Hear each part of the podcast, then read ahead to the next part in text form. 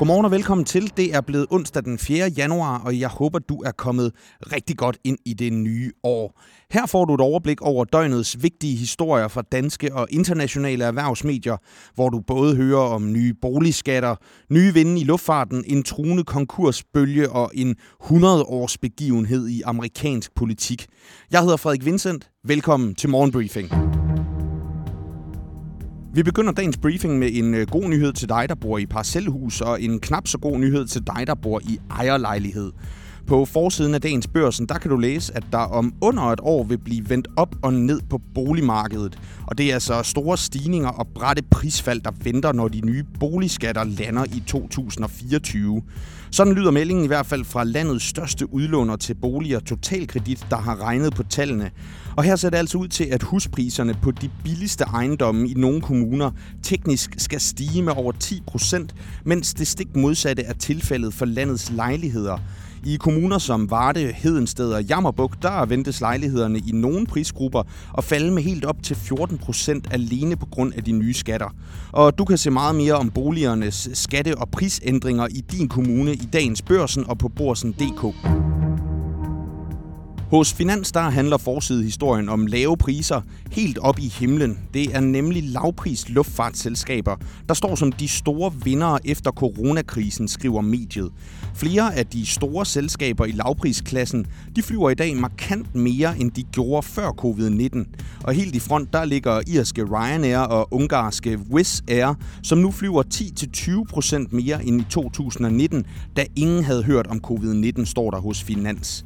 Derimod så halter de store netværksselskaber fortsat markant efter det tidligere niveau. Og det gælder store koncerner som Lufthansa, Air France, KLM og IAG med British Airways. Her der ligger passagertabet på mellem 10 og 20 procent, og dermed så er der altså på kort tid sket en markant forskydning af magtbalancen i den europæiske flytrafik, skriver altså Finans. Den danske industrikæmpe Grundfos har taget et stort skridt i bestræbelserne på at forlade Rusland. Grundfos frasælger sine russiske og belarusiske selskaber og aktiver til den lokale ledelse, lød det tirsdag i en meddelelse til børsen, hvor der står Aftalen afhænger af godkendelser fra relevante myndigheder i Rusland, Danmark og den europæiske union.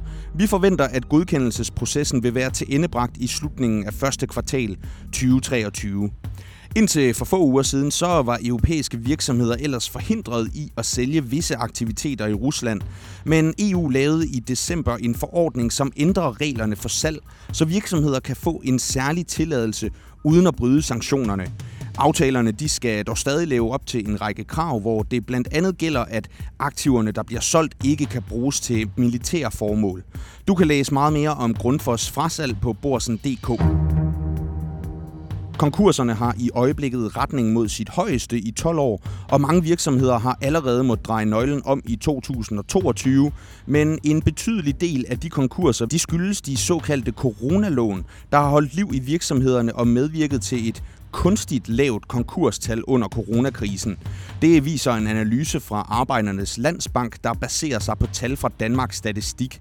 Her lyder det, at antallet af konkurser i aktive virksomheder ramte knap 2.600 i de første 11 måneder af 2022, og det er 25-30 procent flere sammenlignet med samme periode i 2020 og 2021.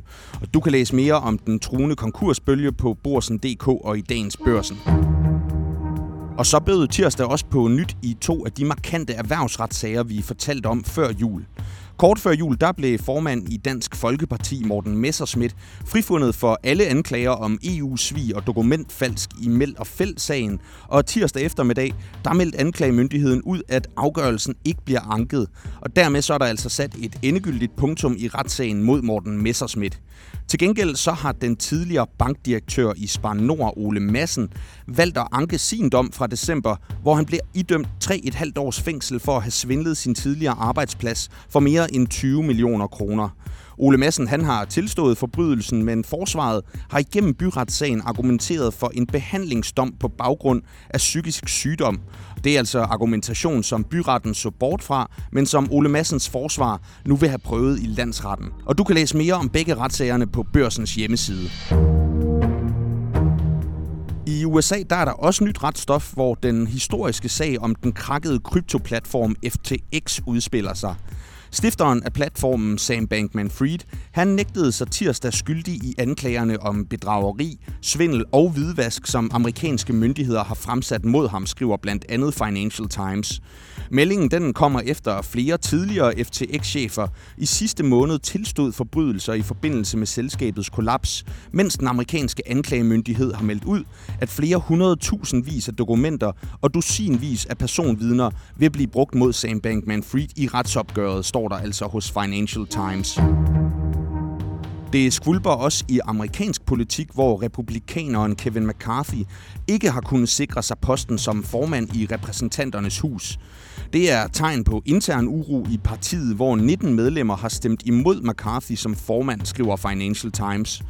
Republikanerne de vandt ellers en snæver sejr om kontrollen i repræsentanternes hus ved midtvejsvalget i december, mens det blev demokraterne, der vandt det absolute flertal i kongressens øverste hus, senatet. Nu skal der altså stemmes på ny om en formand i repræsentanternes hus, indtil en person kan sikre de nødvendige 218 stemmer fra medlemmerne. Og det er første gang i mere end 100 år, at der skal genstemmes om en formand til huset, skriver blandt andet Wall Street Journal. Og så er der gang i de amerikanske aktiemarkeder igen efter en nytårspause. Og her der fortsat de amerikanske aktier de dårlige takter fra året, der gik. Igen så var det særligt teknologiaktierne, der stod for fald, ført an af en ny stor Tesla-nedtur, og dyk til Apple, der sendte selskabets markedsværdi under 2.000 milliarder dollar for første gang siden 2021. Tirsdag der faldt Nasdaq-indekset, der er spækket med teknologiaktier 0,8 procent. Det brede S&P 500-indeks det er tabt 0,4 procent, mens Dow Jones indkasserede et marginalt tab på 0,04 procent. Herhjemme der har de største danske aktier fået en fornuftig start på året, og C25-indekset steg tirsdag med 0,65 procent og er altså over de første to handelsdage nu op med 2,5 procent. Få detaljerne og de opdaterede aktiekurser på Borsen.dk Investor. 2022 det har været et hårdt år for aktieafkast i det hele taget, og det danske C25-indeks har i året tabt 13 procent i værdi, mens amerikanske aktier i for eksempel Nasdaq-indekset har tabt hele 33 procent. Men der er alligevel grund til at være forsigtig optimist, hvad angår aktiekurserne i 2023. Det vurderer flere investorer i børsens nytårsudgave af Investor-podcasten.